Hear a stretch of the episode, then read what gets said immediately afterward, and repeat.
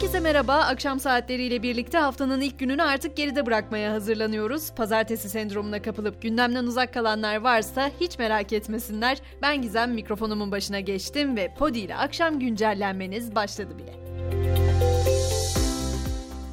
Deprem bölgesinde bir yandan enkaz kaldırma çalışmaları, bir yandan da yeniden inşa edilecek konutlar için çalışmalar sürüyor. Depremlerin ardından bölgede belki de adını en çok duyduğumuz isim olan Haluk Levent ise Time dergisi tarafından 2023'te dünyanın en etkili 100 kişisi arasında gösterildi.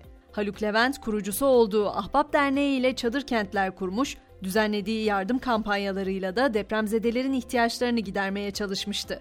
Ama bu demek değil ki her şey düzene girdi, her şey yolunda. Hayır, depremlerin üzerinden iki ay geçti ve orada hala çok şeye ihtiyaç var. Özellikle sürdürülebilir yardım konusuna tekrar dikkat çekmek isterim. Gelelim seçim gündemine siyasi partilerin milletvekili aday listelerini verme süreci tamamlandı. Liste veren 26 partiden 13'ü tek başına, 13'ü ise ittifaklar adı altında seçime girecek. Cumhurbaşkanlığı seçimi için oy pusulalarının basımına da çarşamba günü başlanacak. Milletvekili için oy pusulalarının basımı ise 19 Nisan'dan itibaren gerçekleştirilecek.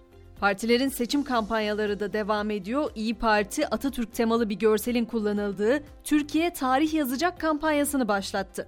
Kampanya görselleri Türkiye'nin birçok noktasında billboardlara asıldı.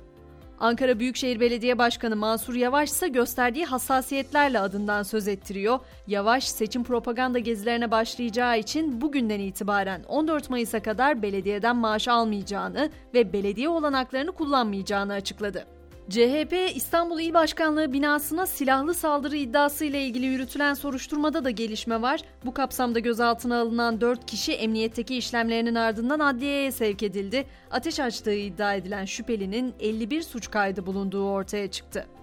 Yargı koridorlarında biraz daha dolanacağız. Çiftlik Bank kurucusu Tosuncuk lakaplı Mehmet Aydın'ın Uruguay'daki işlerini takip ettiği belirtilen Osman Naim Kaya tutuklandı.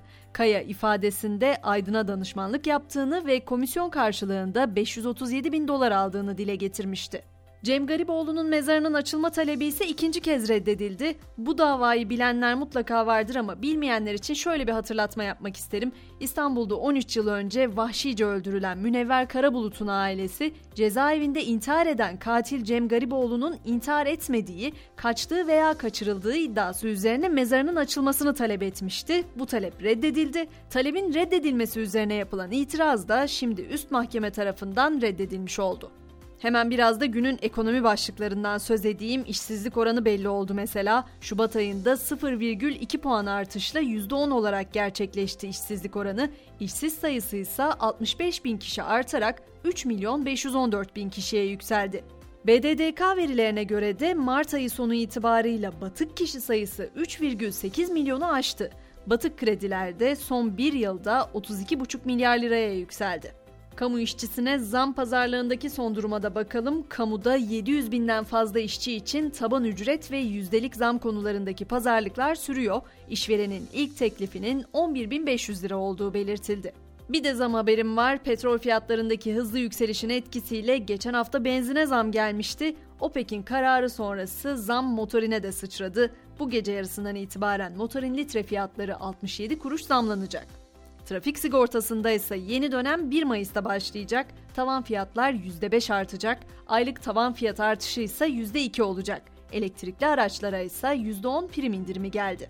Yine günün en çok konuşulan haberlerinden Türkiye'nin en büyük savaş gemisi TCG Anadolu bugün Deniz Kuvvetleri Komutanlığı'na teslim edildi. Gemi üzerine konuşlandırılacak sihalarla donanma için önemli bir güç olacak.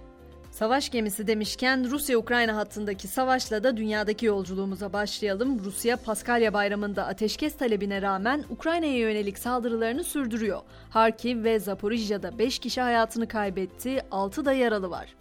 Amerika'ya gittiğimizde ise ABD Başkanı Joe Biden tartışmalara noktayı koydu ve 2024 başkanlık seçimlerinde tekrar aday olacağını açıkladı. Daily Mail'in haberine göre ise Joe Biden 2024 seçimlerinde Z kuşağı seçmenlerini kazanmak için TikTok fenomenlerinden oluşan bir ekip kurmayı planlıyor. Tibet Budizminin ruhani lideri Dalai Lama ise pedofili suçlamasıyla tüm dünyanın gündeminde 14. Dalai Lama bir erkek çocuğu dudağından öpüp ardından çocuktan çıkardığı diline dokunmasını istedi. İnfial yaratan görüntüler sonrası Dalai Lama özür mesajı yayımladı. Ruhani liderin masumca ve çocukça bir şaka yaptığı savunuldu. Biraz da sevimli dostlarımızdan söz edeceğim. İngiltere'de Coca isimli köpek bağımlılık tedavisi gören ilk köpek oldu. Alkol yoksunluğu semptomları gösterdiği için barınağa getirilen Labrador cinsi köpek, alkol bağımlılığından kurtulması için tedavi edildi. Amerika'nın Kaliforniya eyaletinde ise bir polis teşkilatının en son üyesi bir tavşan oldu. Minik bir K9 üniforması giydirilen Percy adlı hayvanın mutluluk memuru olarak işe alındığı duyuruldu. Spor dünyasında ise Süper Lig'de 28. haftanın kapanış maçında bu akşam Fenerbahçe Karagümrük'e konuk olacak. Mücadele saat 20.30'da başlayacak. Ve böylece güncellenin sonuna geldik. Akşamın düşündüren mottosunu da Oscar Wilde'dan bırakıyorum buraya. Şeytan yalnızca sunar, insan isterse seçer diyor İrlandalı yazar. Yarın sabah yeniden görüşmek üzere. Şimdilik hoşçakalın.